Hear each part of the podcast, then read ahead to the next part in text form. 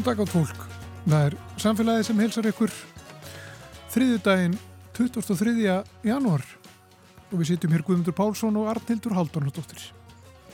Við viljum halda áfram að fjalla um fjármálalæsi. Samtök fjármálafyrirtækja berjast fyrir því að fjármálalæsi verði gert að skildu fægi í grunnskólum landsins.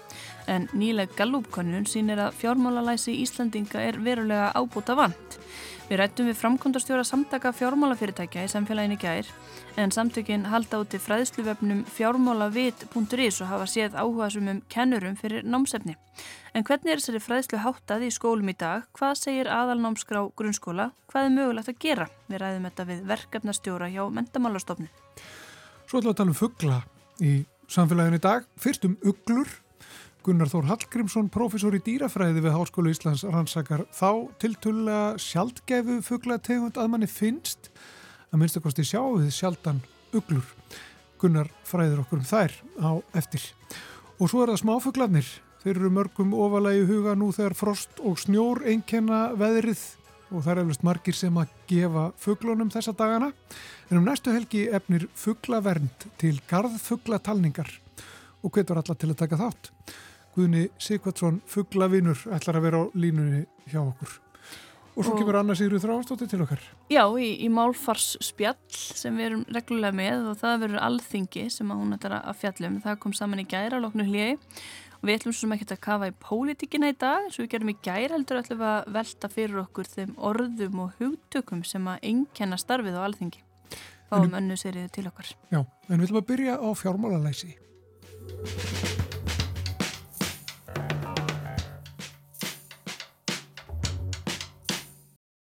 Já, ég heiti Auður Bára Ólafsdóttir og ég eh, er grunnskólakennari í grunninn, kendi í 15 ár á öllum stegum grunnskólans. Byrjaði svo að starfa í mentamálstofnun fyrir 8 árum síðan sem rítstjóri í námsefniskerðinni og sáum e, meðlan að starfræðina og hef svo verið verkefnistjóri núna aðalnámsgrármála hjá mentamálstofnun í, í um tvö ár. Er það þín sína að það þurfi að stór ebla kennslu í fjármálalæsi í grunnskólum á Íslandi? Um, já, það þarf að taka fjármálalæsi inn í uh, kennsluna, það er alveg rétt og það eru hæfni við miði aðalamskrá sem fjalla um fjármálalæsi. Hver eru þau? Uh, þau eru koma fyrir í nokkru námskreinum. Þau koma fyrir til dæmis í starfræðinni og þar eru hæfni við miðvilog tíundabækjar, uh, til dæmis að nefndu geti tekist á verkefn úr umhverfinu samfélaginu. Um, þar sem þarf að upplýsa og meta, meta þessar upplýsingar og finna lausnir um, meðal annars í tengslu við ábyrðaðaginn fjármálum, neyslu og þróun samfélagsins. Þetta er svona málefni sem að þarf að taka inn á mörgum stöðum og líka í samfélagsgreinum. Nefnd, eins og til dæmis í starfræðinni þá þurfa líka nefndur að ná tökum á bara öll því sem að þú þart að kunna skila í rauninni varðandi fjármál, útrekninga, prósendur, uh, tugabrót og svo framvegis. Þannig að þú þarfst að hafa svo mikla svona viðtaka, ná svona hérðan og þaðan ímsum atriðum til þess að geta tekist á við fjármál. Í samfélagsgreinunum að þá uh, er hæfni við mig sem að hljómar bara svona að, teki, að nefndu geti tekið ábyrða afstöðu í eigin fjármálum og neyslu verið gaggrinni neytundur og getið sett sér markmið að grundvelli þekkingar og fjármálumkverfi, fjármálumkverfi einstaklinga og samfélags og þeim tilbúðum sem eru í bóði. Þannig að við lók tíundabekkjar. Þetta er alveg stórt verkefni og stórt markmið. Þetta er stórt hæfni við með því við lók tíundabekkjar og nefndur uh, læra þetta ekki bara í tíundabekk. Það þarf að vera svona aðdragandi að þessu. En þetta er það sem við viljum að nefndur útskrifist með við lók tíundabekkjar. En þá er líka bara spurning eh, hvernig kennum við nefndum að bera ábyrð á eigin fjármálum og eigin neyslu og hvað er ábyrð á eigin fjármálum og eigin neyslu. Já og þekking á fjármála umhverfinu. Já, já. Bæði þá samfélagsleg þekking og, og fyrir hvern einstakling. Já, já.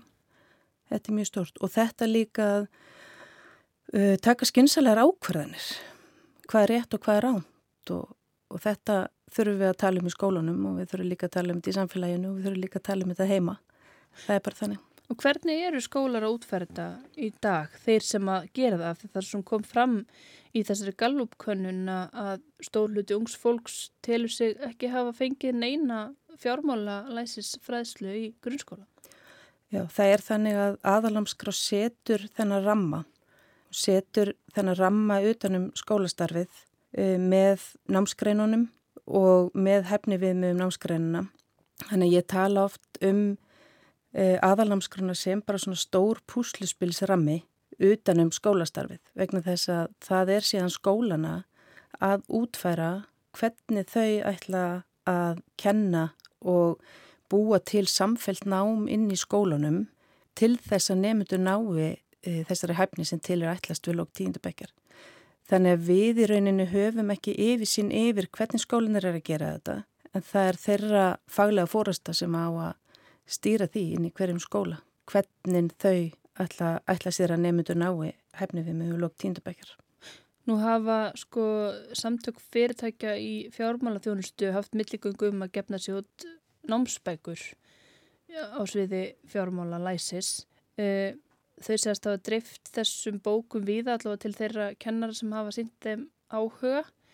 Sko er þetta lausnina að, að e, styðjast við námsbækur sem þá eru kannski gefnar út fyrir milligöngu hagsmunaðila á þessu sviði eða, eða sko treysta kennar sér til þess að, að bara miðla af eigin þekkingu þessum fjármóla fróðleik hafa þeir það sem til þarf eða þurfa þeir einmitt að halla sér kannski að hagsmunaðilum og, og, og fyrirtækjum á þessu sviði? Já, fjármóla vit er bara að standa sér mjög vel í þessu og, og, hérna, og ég hef bara hvart þau áfram til þess að halda, hérna, ég halda bara áfram í því sem þau eru að gera og það er bara mjög flott. Svo er þetta spurning með, já, hvernig eru við bara sjálfstödd til þess að fara að kenna nefndum um fjármálæsi, eh, hversu mikið vitu við, er þetta kannski bara stærra, er þetta samfélagslegt verkefni?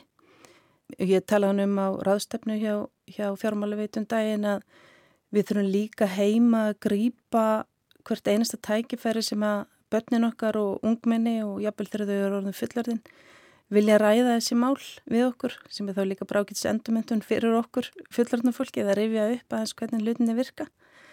Um, varandi námsefni inn í skólana að uh, þá er alveg í starfræðefnin okkar, þá er sem við gefum út í metamálstofnun að þá er alveg fjallað um, þá eru verkefni sem tengjast fjármálum og peningum og eigða og spara og, og þetta ímiskonar hugtök, vegna þess að hugtökin eru alveg gríðarlega mörg sem að þarf að, sem að tilhæri þessum málflokki.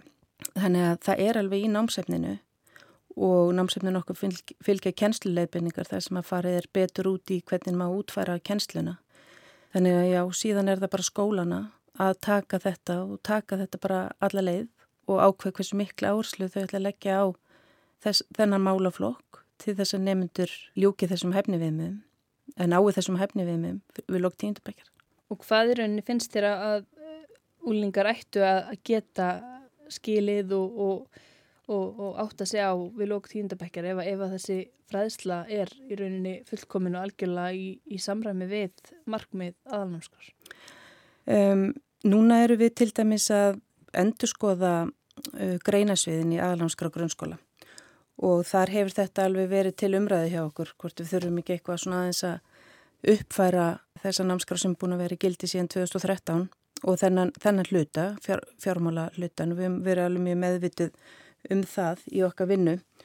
Og til dæmis bara, ég get nú kannski lefði ykkur að fá hérna aðeins má einsinn í, í þessa endurskoðun að í samfélagsgreinunum það er kapli sem að fjallar um sjálfsmynd og það bara hafa e, góða sjálfsmynd skiptir líka mjög miklu máli e, í þessum máluflokki og þar er hæfni viðmið sem að fjallasest um fjármála einstaklinga og þar er e, lagt til að nefndu geti gerð sig grein fyrir hvernig þarfir langanur hegðun móta fjárháslega stöðu einstaklinga og tekið ábyrð á eigin fjármálum.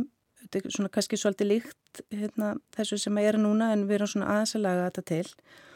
Og það er svo kapli líka sem að uh, ber yfir heiti borgaravitund. Og þar eru við með hefni við með um samneislu og bara skili skatta og, og fjármálungverfi og lífskjör í samfélagi að þessu er breytileg uh, og þekkt þætti sem að geta haft áhrif þar á. Er, já, bara þetta er svo, þetta er svo stórt málefni. En finnst þér þá sko að því að ákallið eins og frá sam, samtökum fyrirtækja, fjármálafyrirtækja hefur verið að þetta verði bara sér námskrein, skildu fag, Já. Eh, kemur það til greina? Er það, er það raunhæft eða ætti þetta einmitt að vera svona, einmitt, hluta til í starffræðinu, hluta til í samfélagsfræðinu? Sko þá komum við að skemmtilega partinum, það eru grunnskólalögin. það eru grunnskólu, aðalamskrá er byggð á grunnskólalögum. Og í grunnskólalögum er alveg fjallað um hvað skuli koma fram í aðalamskránni og þar eru, eru hérna, tali, taldar upp námskreinar sem eiga að koma fram í aðalamskránni og þar er ekki námskreinin fjármálalæsi. Þannig að fjármálalæsi er sett sem uh, hæfni viðmið inn í þær námskreinar sem er talið að þær eigi heima. Og, síð, og síðan hérna þegar ég ræði þessi mál þá ræði ég líka alltaf með ísl, þetta með íslenskuna. Það er svo mikið hugtökum eins og ég sagði um fjármálulæsi og það er svo mikilvægt að nefndur séu vel læs og við þurfum að leggja áherslu á það. E, að þau kunna vinna með öll þessi hugtök, átti sig á hvað þessi hugtök þýðar, fái tæki fyrir til þess að vinna með hugtökin og greina þau svolítið niður hvað, og, og taka svolítið svona gaggrína hugsun á þetta allt saman. Og það þarf að þá hjálpa þeim að, að læra að vera gaggrínin, nefndurna, spyrja gaggrína spurninga, eiga samtal uh, hvert við annað um þessa hluti til þess að reyna að komast til bots í, í málinu. Og sko eftir 10-15 ár ef að Gallup leggur aftur fyrir svona könnun heldur að hlutfall þeirra sem að segjast hafa lært fjármálalæsi í skóla muni hækka úr, úr 11% og, og fara eitthvað upp á við? Já, við skulum bara vona það. Ég held að við séum öll meðvitið um hversu mikið þetta skiptir máli og ásamt öllu hínu sem að þarf að kenna inn í grunnskólanum. Þetta er líka það sem að gerist heima, alveg svo við erum að þjálfa börnin heima í að lesa til þess að náu betri árangri, að nýta tækifærið með launaseglana, ræða lífrisjóðani, orlof, ræða þetta allt saman sem að við erum alltaf að skoða öll á hverju minnst degi, launaseglun okkar. Þetta gerist ekki bara í skólanum. Fórildrar þurfa líka að miðla sinni þekkingu og vonandi hafa þeir einhverja, einhverju slíka til að miðla líklegast mismikla. Já, já, en svo er þetta að sækja sér alls konar upplýsingar hjá böngunum og hjá e, samtöku fjármálafyrirtækja og fjármálavit og það er búið að gefa út ímiskonar efni að, og nefndur margir fá efni frá fjármálavit að sem er bara mjög gott og upplýsandi. Lókum bara, fjarr þú fjármálalæsisfræðslu í, í grunn og mentaskóla eða, eða lærðir þú þetta bara setna mér? Já, ég lærði þetta bara setna mér, bara einhvern veginn eftir, bara þegar verkefni komið til manns. Og mér er svolítið gaman að segja frá því að hérna fyrir sjö árum var ég með erindi um fjármálalæsi og þá var ég að segja dæmisögu af dótti minni sem var þá að sérst, ég átti bara að borga með kortinu, við vorum að fara eitthvað út í búð. Og hérna ég, ég leta hann að síðan bara fá peningin í hendunar leta hann fá bara 8.000 krónur þar sem hún átti bara að nota peningin sjálf Þannig að þetta varður raunverulegra fyrir hana. Í dag erum við kannski ekki þar. Núna erum við bara að kassa og auðra inn á bönnin okkar. Eh, þannig að þau fá einhvern veginn ekki þessi verkfæri í hendunar. Þessu tilfinningu fyrir verðmæti. Já, þetta er líka bara orðin svona stór partur fjármála læsinu. En svo verður ég að segja núna alveg klóð þetta sögu af því að hérna, við vorum í smá endumendun hérna, fóreldrarnir á heimilinu. Þessi svona okkar er að kaupa sér húsnæði á, út á landi. Þannig að þá þurftum við að fara í öll þau hugtök, uh, búin að eiga það mörgum klukkustundum í þetta. Þannig að það skiptir bara svo miklu máli að grýpa börnin, úlingana, ungmennin, fullortna fólkið okkar og ræða þessa hluti. Endur menta sjálfan sér bara þessi í leðinni. Algjörlega. Þarf maður nú kannski með þetta, maður ekki með þetta allt í kollinum, þarf að setja sig inn í þetta aftur og aftur kannski efvel. Já, já, og rifja bara upp. Að rifja upp, nefnitt. Takk kærlega fyrir að spjalla við samfélagið um þetta, auður bára Ólastóttir. Takk fyrir mig.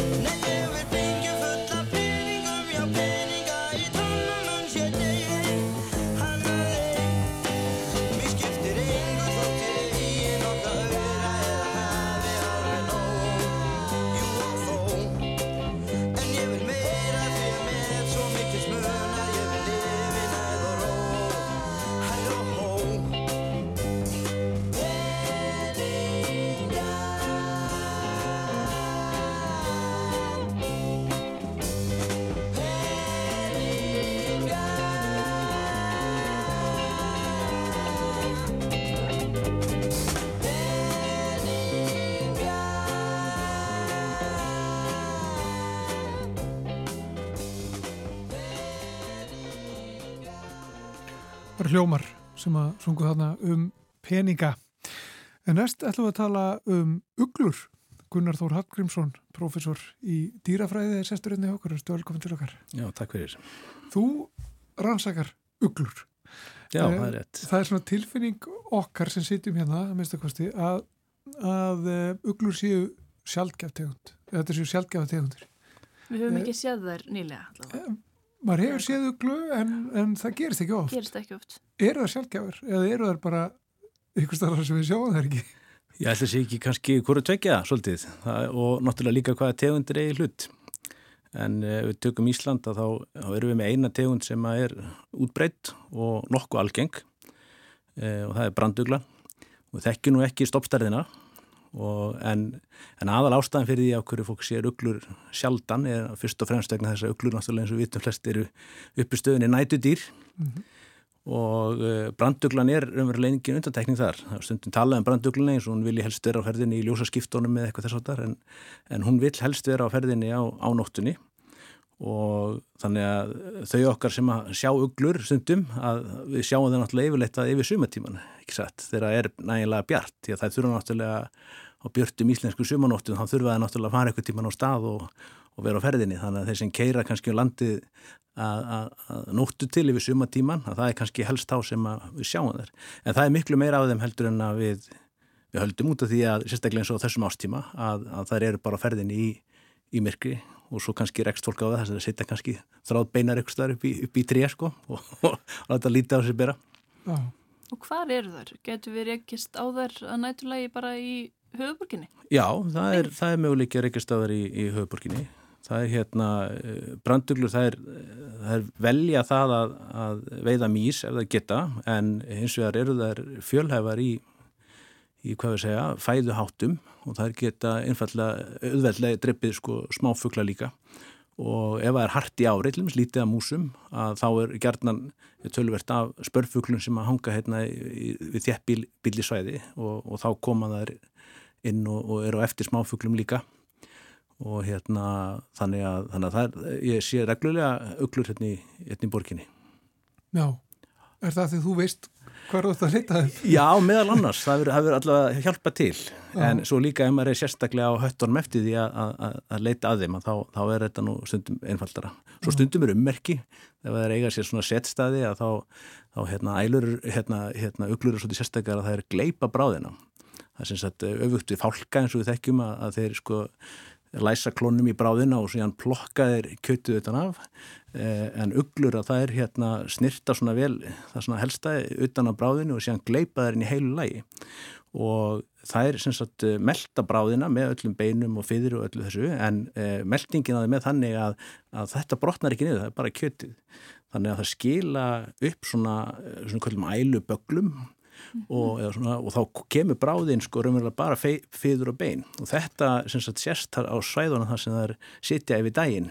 Þannig að ef maður leitar á svona stöðum þar sem er líklegt að finna uglur þá getur maður fundið svona og þá, já, þá veit maður að þarna hefur ugla á, á ferðinni. Já, eru þær uh, hvernig fugglar er, er svo branduglan? Er hún á ákveðnum stað getur, er einhverju staðir þar sem þú getur gengið að uglunni vísri, þú veist að branduglan hún er alltaf þarna í þessum skói eða einhver staðar er, er, hún, er hún svona helgar hún sér eitthvað svæði eða eitthvað slíkt?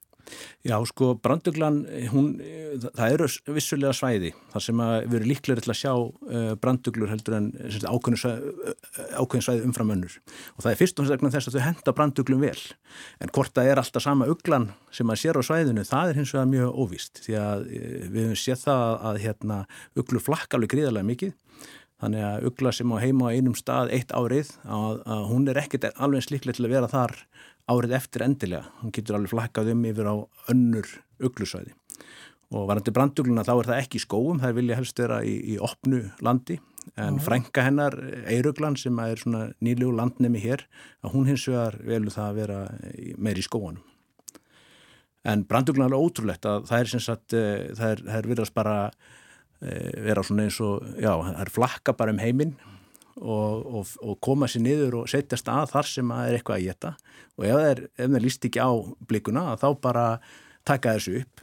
Og það er þannig að það eru kallfuglarnir sem að, að hvernfuglarnir láta kallana bera í sig. Þannig að það er bara að fljúa svona um og svo heyra þeir kannski einhver starf úvandi kall og setjast það niður og þá þarf hann bara að gera svo vel að gefa þeim að geta og ef hann gefur þeim nóg þá setja þær eftir og mögulega verpa. Ef hann er ekki að gefa þeim nóg þá er það bara farnar og þá getur alveg bara rúla frá Íslandi til Norex eða til Sýberíu eða hvert sem er sko. Þannig að það er alveg ótrúlegt hvað er, þetta er, þetta er mjög, sagt, mjög stór svæði undir. Þannig að það er legandi mjög erfitt að meta til þess hversu marga branduglu sko, hversu stóri íslenski branduglustofnin þetta er mjög erfið spurning sko Já, og, og þetta, er, þetta er skoða bara með merkingum eða hvað? Já, það sem að, það sem að hefur svona kannski opnað svolítið insýn inn í þennan heim eru, eru sem sagt eh, lítil GPS-tæki sem tengjast eh, gerfirnöttum eða GSM-kerfinu þannig að við smellum þeim á fugglana í svona bankboka og þá getum við fylgst með fugglunum bara í, í tölvu hvernig þeir eru að, að haga sér og hvert þeir eru að fara og það er umverulega sko gjör breyti svona sín á, á það hvernig, hvernig þessi fugglar haga sér. Já. Og það er einhverjar ákveðnir uglu sem þið hafi fylst með þá margra ára skeið? Já það, er, það, já, það er semst branduglan og eiruglan sem að hafa verið, því það eru það einu sem að við getum sagt að eigi svona stopna hérlendis, branduglan náttúrulega algeng, eiruglustopnin er nú mjög lítið, við, við vitum ekki um meira en svona um 20 pör á honum, þannig að hann er lítill en hann er búin að vera hér eh, reglu varfugl síðan sagt, um aldamóti síðustu, rétt upp úr 2000 Eh, þannig að það eru umverulega einu uglutna sem hægt er að rannsaka hér. Snæuglan er, er hérna fyrst og fremst bara flækingsfugl og verpir alveg verulega svona óreglulega og svo er bara er, er einn flækingsugla sem heitir skópugla nú er bara komið hérna fimm sinni með eitthvað, bara svona fóki með vindum sko. Þannig að ja. það eru bara fyrst og fremst þessar tvær brandugla og eirugla sem getur sagt að séu svona íslensku uglunar. Já, en einhverjir einstaklingar sem þið hafið mert með GPS bakpoka og fylst með um, lengri tíma? Já, það er enda sko, það verðist vera að, að þetta er rosalega áhættu söm hegðun að vera svona miklu flakki. Þannig að hver einstaklingur lifir ekki mjög lengi. En við hefum verið með e, fuggla hér sem fylgst með í yfir tvö ár hér en, en, hérna, en það verðist vera að það eru skamlífar en alveg óbáslega frjósamar þegar það hitta á fæðusvæðin sín sem eru þá yfirleitt e, góð músasvæði og ef það er nóga, nóga um að vera þar, nóga músum þá geta þeir, erlendis geta brandtöklur orpið alltaf 11 veggjum.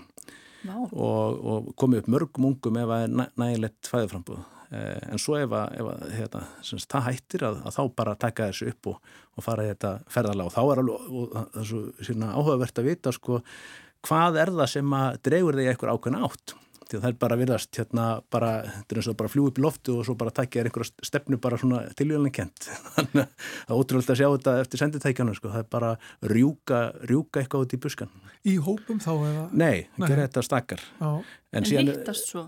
Já sko þær gera það erlendir, við hefum ekki séð það hér en, en utan varptíma erlendir þá sapnast það saman á daginn og, og í svona þessum kvöldinu rúst þar sem það koma saman í svona kvildarstað og, og þá geta verið ja, nokkur tugi fuggla saman. Og það er mjög áhagvert sko að vita af hverju komaður svona saman. Og það getur verið einhver upplýsingamilun þar ef það eru að, að reyna að finna fæðusvæði yfir nóttina og svo komaður saman í, í þessar, hérna, þessar kvildarsettur sínar eða hverju kvöldum þetta á, á daginn. Og það kannski er einhver upplýsinga einhver samskipti þar. En það er allt saman bara getgáttur sko, það er, það er svo margt þarna með þessa, þessa huldu fuggla sem við vitum ekkert um. Aha. Eh, það er líka sko í, í menningunni er, er auglan táknum visku eða þess að þar? Já.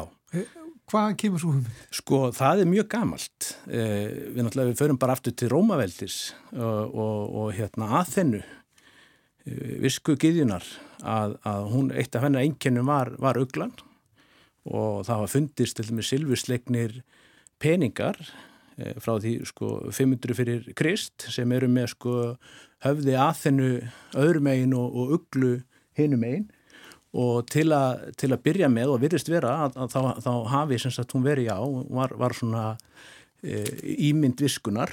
En síðan má segja með uglur og þá, þá eru mjög misvísandi svona tólkanir og, og, og á því hvað uglur séu og fyrir hvað það standa í bæði heimslutum og eftir tímabilum Þannig að uglur eru líka sko svona, svona tákn fyrir, fyrir dauða og uh, fyrir, fyrir svona hindurvittni, dulspeggi og, og, og fólk var oft hrætt við þar og við getum síðan til dæmis á, á miðöldum í Evrópu þá er, er sútúlkun svolítið ríkjandi.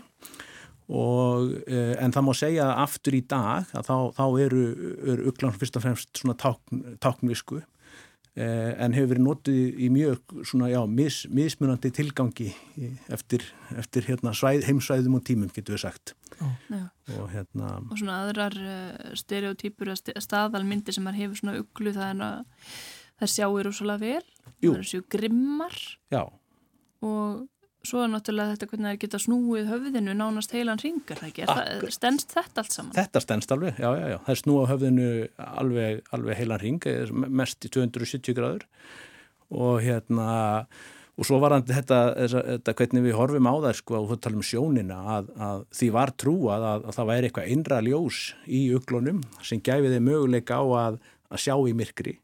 Og svo er fullt af svona segja, þjó, þjótrú viðsveð, mjög algengi í Evrópu til dæmis var það að það var að sjóða e, ugluegg og, og geta og uglukjöt og þá myndum að sjá betur. E, annar var að grilla ugluegg alveg til ösku og, og, og setja öskun í augun og þá sæði maður betur.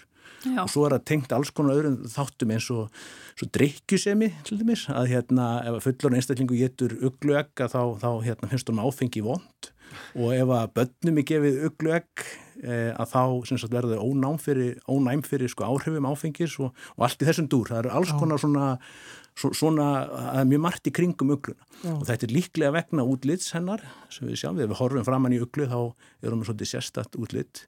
Hún getur ekki hreift augun til hliðana, augun eru svo stóri í kúpunni að þau eru alveg föst þannig að hún starir og síðan er risastóra augu og síðan bara reyfur hún höfuðið og þannig horfur hún í, í kringu sig. Þannig að hún er alltaf bara, hún starir í eina átt en, en augun reyfast ekkit, augvöðarnir eru umverulega algjörlega smækkaður og, og virkir og, og augun reysa stóri í, í höðun og svo náttúrulega skermurinn í kring sem er, er, er hlustunafærinnar -hmm. sem er hlustunafæri? Já, Já, það er málega sko, ef við horfum fram í uglu þá erum við með krans, ekki satt? Þannig að það er við sjáum, ef við horfum alltaf fram í uglu þá er krans í kringum andlitið á þeim og þessi krans hann er semst búin til því að það eru mjög mjúka fjæðrir í andletinu sjálfu en í kringum andletið eru harða fjæðrir og þetta myndar svona eins og parabólu. Við erum að taka upp hljóð í umhverfinu þá erum við með parabólur og það eru semst hörðu fjæðrirnar sem er í kringum kransin og svo mjúku fjæðrirnar hérna fyrir innan. Það er hleypa hljóðbylgjunum í gegn. Þannig að hljóðinu er semst eh, vísað í áttað eironum sem að eru bara hérna, sikkurum megin í, í kúpu dýrsins og þau eru með þess að ósamkverf til þess að, að gera hérna, sagt, staðsetninguna út frá heyr, hérna, nákvæmari. Ja. Þannig að uglur sagt, nota fyrst og fremst eirun þegar það er að veiða, ekki ja. augun. Það heyra mjög vel líka svo sett. Já, heyra mjög, heyra mjög vel og, og hérna, þannig að eins og brandugla og eirugla til þess að það er, það er reyða sér fyrst og fremst á að heyra skrjáfi mús onni, onni hérna, gróðrinum og það er steipa sér niður og eru fyrst og fremst að nota heyrnin alltaf að staðsetta hvað hún er og, og hérna, renna sér bara með höfuð að undan, alveg niður að jörð og svo rétt áður að koma niður að jörðinni þá skjótaði klónum fram og, og grípi í, í blæðina þannig að þetta er alveg, alveg ótrúlega veið aðferð Já, ég var að hugsa um að aðtökk hvort þið getum heyrt hljóð í branduglu til að spila hérna og sjá hvað gerist.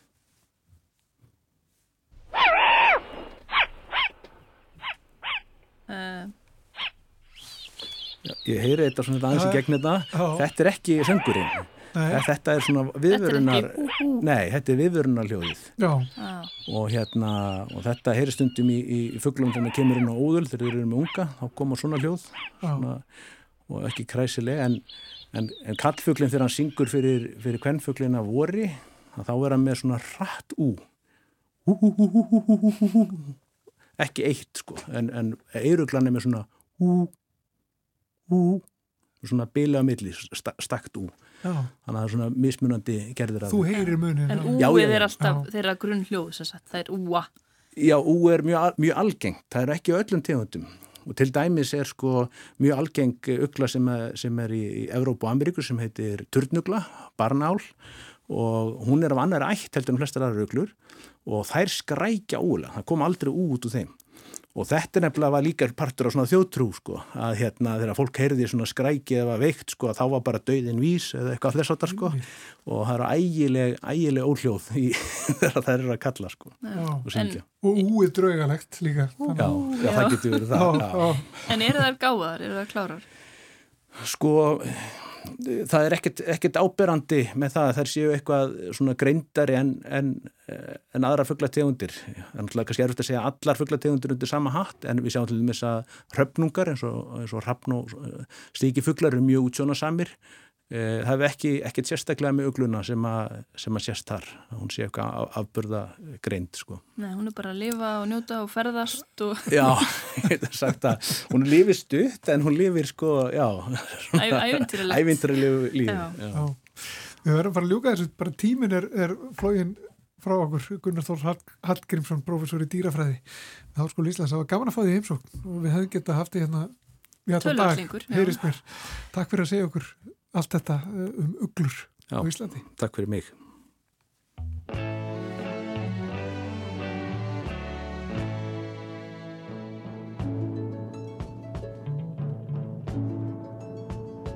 There's a light A certain kind of light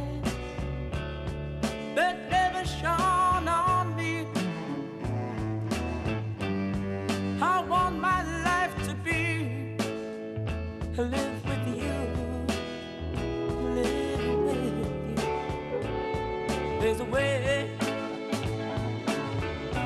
Everybody said to do each other.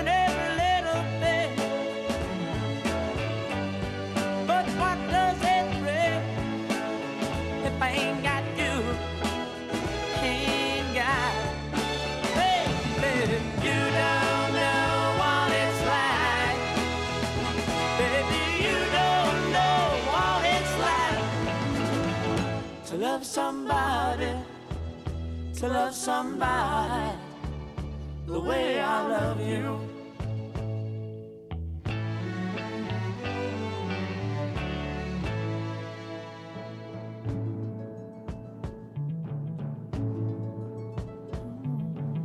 My parade. I see your face again.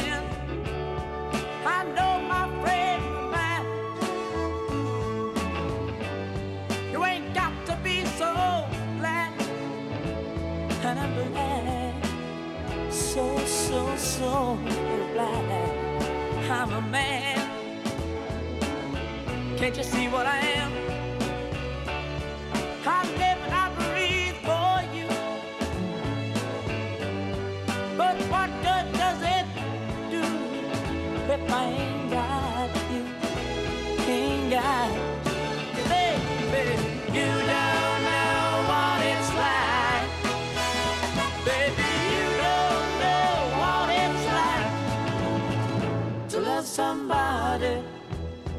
Love somebody the way I love you. You don't know what it's like, baby. You don't know what it's like to love somebody, to love somebody the way I love you.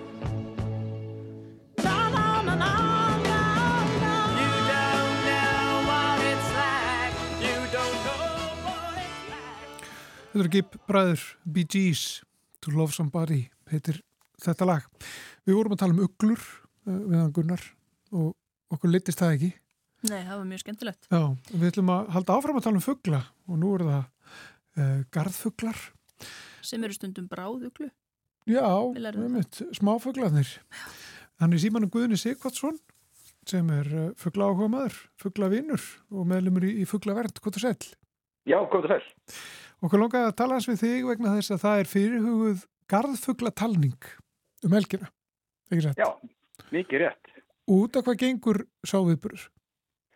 Já, þetta er árlegur viðböru hjá Fuglavend. Það sem að síðasta helgin í janúar er svona helguð uh, garðfugla talningu og þá erum við að sapna gögnum svona um hvaða, hvaða fugla fólk er að sjá í görðunum sínum til að gefa okkur svona aðeins skýrari mynd af því hvernig þetta allt saman er að þróast. Já, og fer þetta bara þannig fram að, að fólk bara fer út og telur fuggla? Já, í rauninni. Já. Þetta er rauninni ekkit flóknar það. Það er meirins að hægt að vera inni og horfa út um gluggan en þetta er alltaf skemmtilt að fara út. Já. En svo er, er þetta auðvitað hægt að hafa nokkur brauð upp í erminni svo að þegar líða fer af helginni að henda út fóðri og lokka fugglana að svo maður fær ekki út bara með tómblad og inn aftur með tómblad. Það er ekki skemmtilegt. Já, einmitt. Og er þetta, hérna, er þetta á mörgum stöðum sem þetta fyrir fram? Er þetta um all land? Já, já, bara endilega út um allt land til að fá sem bara helstaðustu myndin af því hvaða fugglar eru að þreja foran hérna á Íslandi með okkur. Nú erum alltaf flestir farnir að hlýja sér einhver starf annar staðar en, en hína viljum við svona sjá og vita hvað við erum að finna og þessar nýju tegundi sem er að byrtast svona þessi síðustu ár. Já, sjáu þið mik mikinn mun milli ára á þeim fugglum sem að koma upp í talningunni? Sko, já, það má nú alveg segja, það er ekkit jafnvæg í þessu, þetta er svona, þetta er svona mjög mísjönd, má segja, sko. En það eru þessir helstu fuggla sem sjást oftast og, og svo slæðast aðri með og svo ég tali fyrir sjálfa mig þá hef ég stundu sér smýril í garðunum og, og oftar ekki krossnefi til dæmis og margir sjá silkitoppur en ekki hef ég fengið það ynga á lögavat þannig að megin hlutin er, er bara ákveðið fasti og svo slæðast inn svona aðri með og jafnvel uglur Jafnvel, það hafa sérst uglur í görðum þá, preinlega hjá fólki? Já, já það, það er náttúrulega þurfa að borða eins og aðrir og, og litli smá fugglar eru ekkit verið krás en margt annað þegar að lítið eru í bóði. Ummitt. Þannig að maður það kannski svolítið að hugsa sko hvað maður ætlar að, að bjóða upp á ef maður vil reyna að laða til sín fuggla þá maður sér velja krásir fyrir hérna, hverja tegund eða, eða reyna að innblýna kannski bara að fá eina tegund þannig að það fari ekki fram einhvers konar hérna, uh, já, uh, fugglandi verið ekki hlað, hlaðborð fyrir aðra fuggla þetta er svona eins og með börnum hans bara maður veit svona hva, hver og eitt borðar og hvað þýðir ekkit að bera út og, og ég er ekkit við sem að gúrkur og tómater er eitthvað sérstaklega viðsælt en er öll frægir, sólblómafrægir til dæmis mjög hendug þau vilja alveg komast í þá og hérna þau frægin og, og svo jafnveg líka eppli og, og eitthvað, eitthvað slíkt. Og ég hef sett út havrakraut líka sem hefur ekki klárast og og starratni sérstaklega, þeir bara fari allt saman, þeir eru ekkit mjög matvandir. Nei.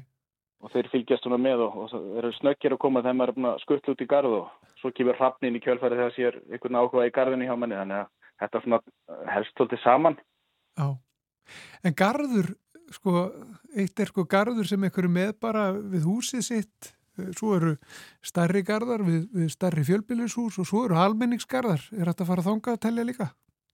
Já, já, það er bara um að gera, bara garður í, í sinni svo sem stæðstu mynd. Og, og við erum að miða við að þetta sé klukkutími þessa helgi þar sem að fólk bara staldra við og, og telur. Og, og ég hvet fjölskyldu fólk eindri að taka krakkana sína að börni með sér af því að þau vita nú mjög margt sko, ég er, að, er hérna grunnskólakennara atvinnu og við röldum hér til og frá Íþróttuhús og lögavatni og krakkarnir er mjög dögulega að þekkja svartresti frá störrum og svo leiðis þannig að krakkarnir geta nú hjálpa fóröldrum heldur betur og svo má líka svolítið huga að því sko hvenar talið er en, en í ljósaskiptunum svona mótnana og, og setni partin þarna þegar fugglarnir þurfu nú aðeins að, að fóðra sig fyrir nóttina þá er, er svona meiri líkur að maður sjáu meira og meiri fjölbreytni.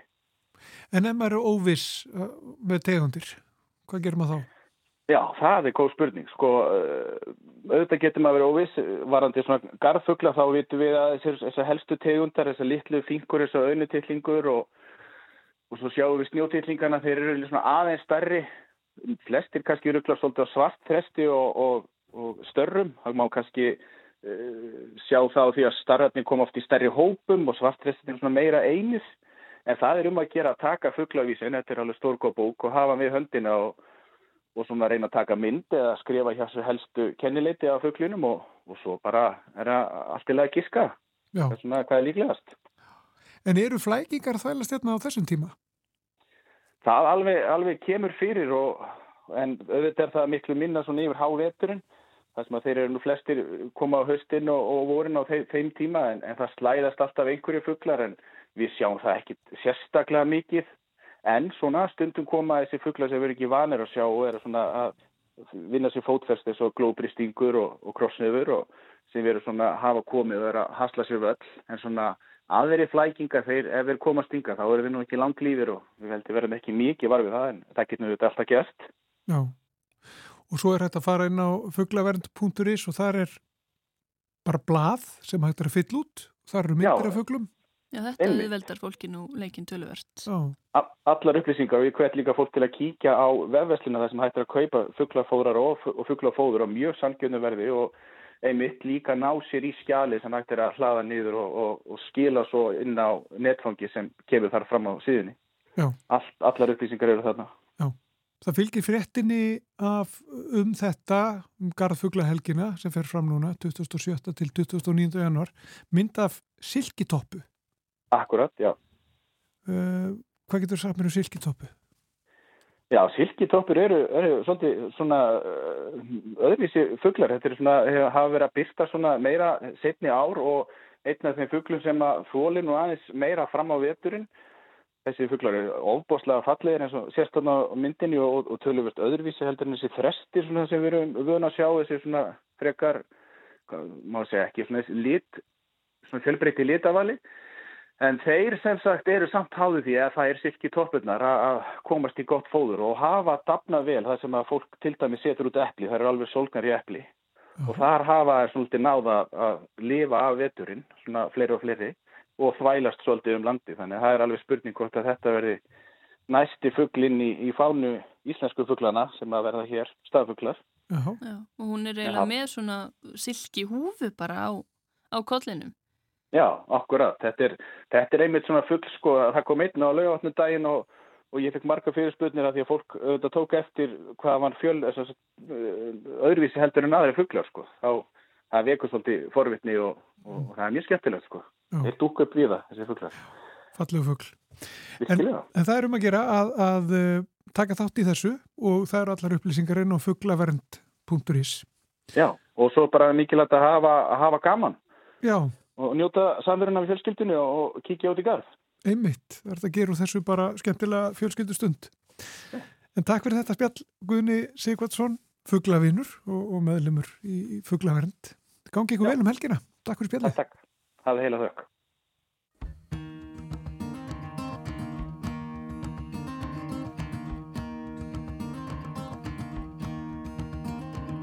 Fugglin minn úr fjarska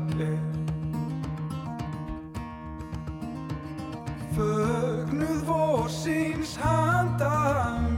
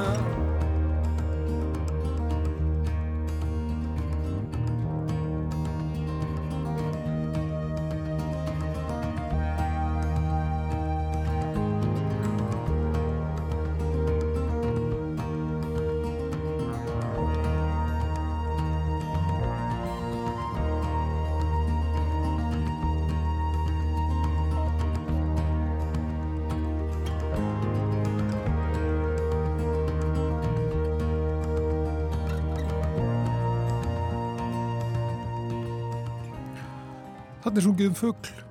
Þetta er Áskei Trausti og lagið Sumargestur.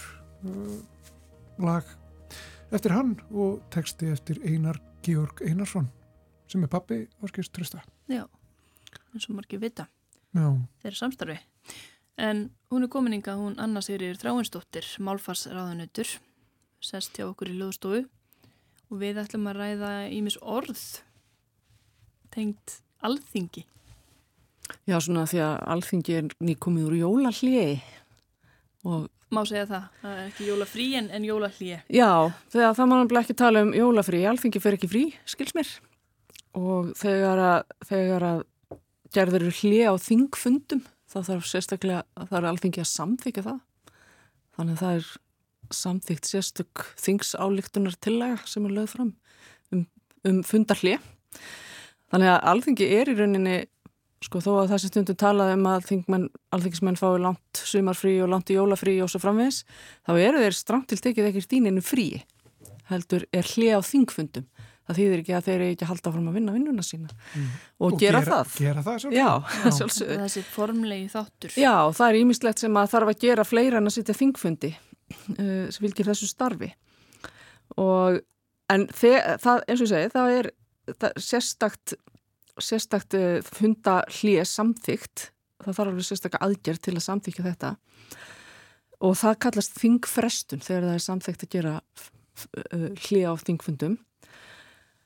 Og um, þegar hlýja er gert er hlýja á fundum alþingis lengur en í tvær vikur þá er það, sagt, þarf þess að það formlegu samþygt og það er nefnt þingfrestun og jóla hlýið varir oftast í 34 vikur sem það gerði mitt núna. Nú fyrir við að fá aftur miklu fleiri fréttir af þingfundum af því að, af því að þeir eru hafnir á nýju.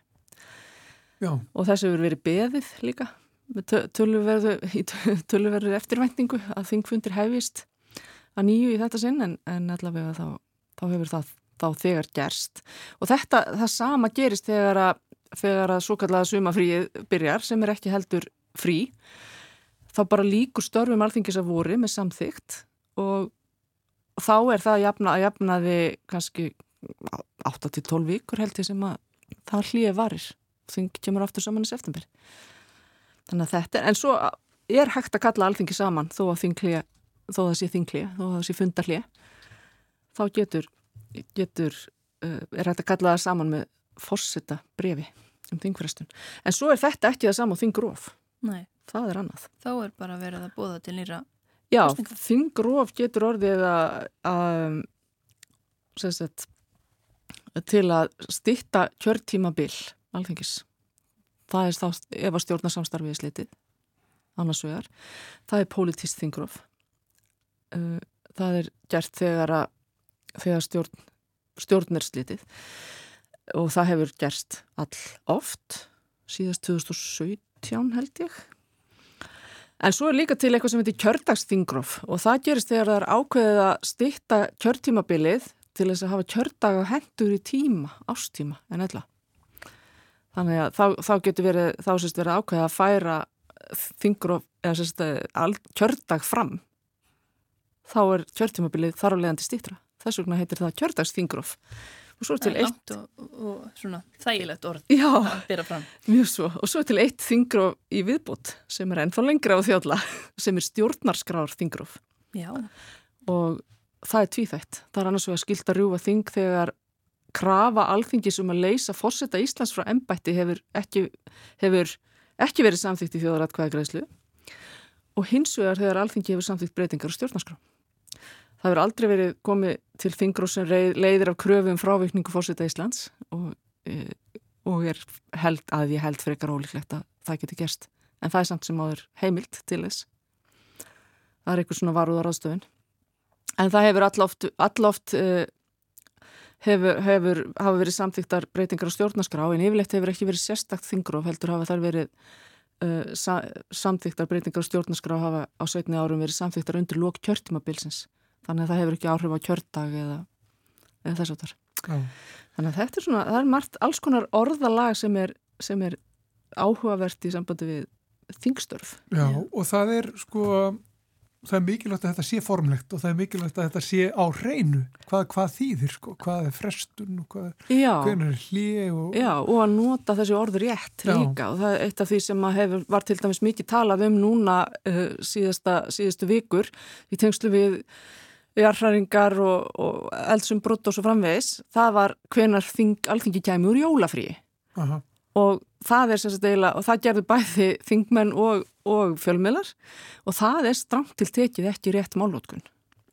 En það er engin Þannig. viðurlög er það. Nei, það er ekki og það er, það er svo sem einhver bannað að segja að þingmenn séu í jólafríi en, en allavega þá, þá er það ekki í samræmi við það orðalag sem að haft er við um og þetta er formleg samkoma, þetta er svona frekar formlegt, já, allt formlegt í kringum þetta. og það má ekki deila, sko e, orka tímalis eða Nei, slíkt, sko, þetta nei. þarf að vera bara á hreinu Nei, einmitt, af því þetta snýst hvenar er áttu hvað Já, einmitt. Og eitt af því sem að, sem að ég veit að þið hafi kannski verið að velta fyrir ykkur, það er orðið þingsköp, hvað er það? Og það eru akkurat þessar reglur sem gilda um framvindu. Þetta er svona sama orðið eins og í fundarsköp, að það eru reglur. já, Það þýðir það bara. já. Svo eru fleiri orð að við vorum að tala um fuggla Já, og þá dætt mér í hug orðið frumvarp sem Já. er svona það sem er kannski hvað marg tugnast á alþingi. já, Leggja fram frumvarp. akkur tengir við fugla Nú, varp. já, Verpa- auðvitað. Já. Þingmenn frumverpa unnvörpum hérna. jú, jú, jú, jú. já. Og það, hvaðan kemur eiginlega þetta orð? Það er, það er kannski ekki alveg gott að segja og það er ekkert auðvelt að finna einhverjar, einhverjar hérna, skýringar á því, til dæmis er orðsifja bókin sem er nú mikill upplýsingabrunnur, hún er ekkert með orðin svo þetta sem er svona samsett orður og oftast eru það bara einhverja svona, einhverja rætur, ekki mikið um samsett orðar. En, en uh, íslensk dönsk orðabók eftir Sigfús Blöndal, hún, hún leiður okkur, gefur okkur vísbendingu, hún leiður okkur aðeins inn á slóðina Eh, því þetta er svolítið sérkennlegt orð, frumvarp og þetta er eiginlega bara til í þessu samhengi. Mhm. uh, að leggja fram frumvarp til laga. Og það er að í þessari gamlu íslensk-dönsku orðabók er frumvarp skilgreint, íslenska orðið frumvarp á dönsku sem annars vegar lóforslag og hins vegar lóúðkast og varp er að, að varpa er að kasta. Og þetta er sama orðið og í sjónvarp og útvarp já. en frumvarp er þá sagt, að kasta út fyrstu tillögu að einhverjum lögum sem að þarf svo að ræða og samþykja. Já, skil ágætt að við fórum ekki í laga útkast. Já, það væri- skrýtnara. Það væri ekki, það væri ekki sérlega svona fallið frumvarp er svolítið fallið skemmtilegt orð Já. og, og hefur líka þessa afmörkuðu merkingu þannig að jafnvel þó að við höfum ekki þessa skýringu á upprunaðis þá skiljum við öll hvað það þýðir af því það er bara notað í þessu tiltekna samhengi. Mm. Það að það er listi sko á við valþingis er listi yfir Já, mörg að þessum hugtökum eða bara Já. öll það eru orðskýringar þar Já. nefnilega. það er til dæmis sko bandormur Já, Það er náttúrulega uppáhald þegar kemur að Það þingum. og það, það er nefnilega ágætt að það er skýring á því. Já, vegna þess að það er svo snúið að skilja hvernig það er. Og, og hérna, já, bandormurinn er uh, já, hvernig er það? Nú þarf ég eftir að það, það, þau það er sem sagt notað sem heiti á frumvarpi þegar mörgum lögum er breytt samtímis og Já. flutt eitt frumvarp um það Yfirleitt tengslu við segir þá það. er Til- oftast talað um bandormin. já, til dæmis þegar gripir til markháttaðara efnahagsaðgerða já, og, og fjárlega frumvarpi gerir einmitt þetta, það breytir fjölmörgum öðrum lögum já, Hefur áhrif á. bandormur er náttúrulega sníkjundir Jú, einmitt þetta er En daldið ég sé alltaf samt einhver, þetta er svolítið ó- ógeðfellt orð, en ég sé samt einhvern veginn alltaf fyrir mér einhverja bandnikla í flækju. já, einmitt Já, þetta er flókið. Já. já, Svo er það að hvaðan kemur það? Já, það er líka hægt að finna skemmtilega skýringu hvaða það dagur er þetta? þarna.